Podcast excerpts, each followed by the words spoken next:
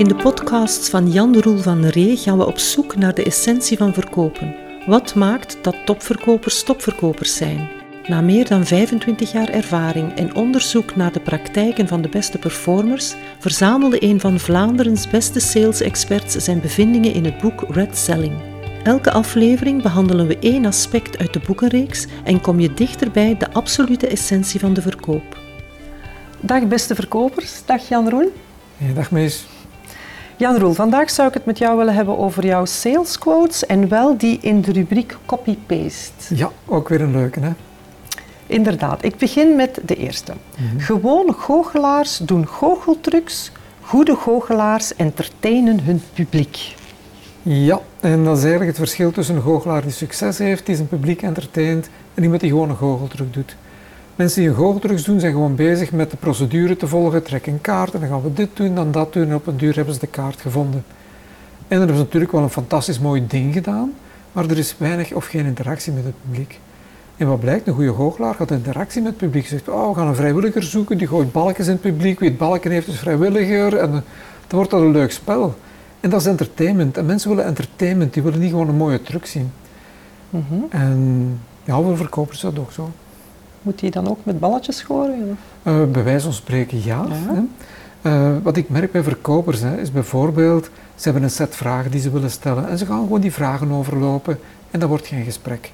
En dat is de bedoeling dat dat gesprek wordt, want daartussenin zegt die klant bijvoorbeeld, maar hoe zit het dan met de prijs?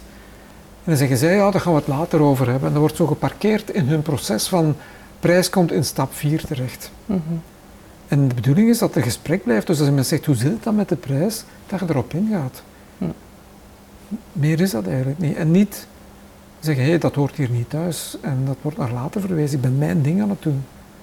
Eerder die interactie juist wel willen creëren. Ik stel een vraag, de klant geeft een antwoord en op dat antwoord ingaan, ja. dat is interactie.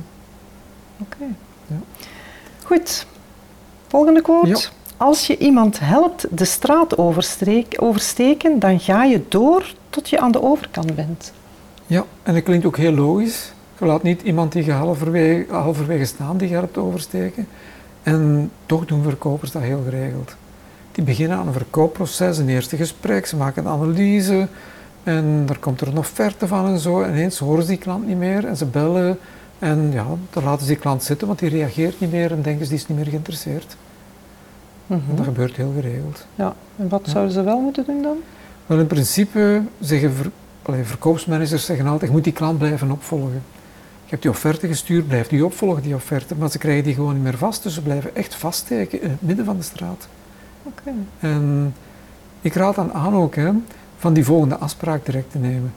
Bijvoorbeeld, je zet een gesprek aan het voeren, je merkt er is iets wat belangrijk is voor je klant. Zeg je, kijk, laten we direct een afspraak nemen, de volgende afspraak inboeken, dan kunnen we die en die dingen volgende keer behandelen. Okay. En als je een offerte gaat maken, zeg je, oké, dus als de offerte goed in elkaar zit, dan wil je graag bij ons kopen. Die klant zegt, ja, inderdaad.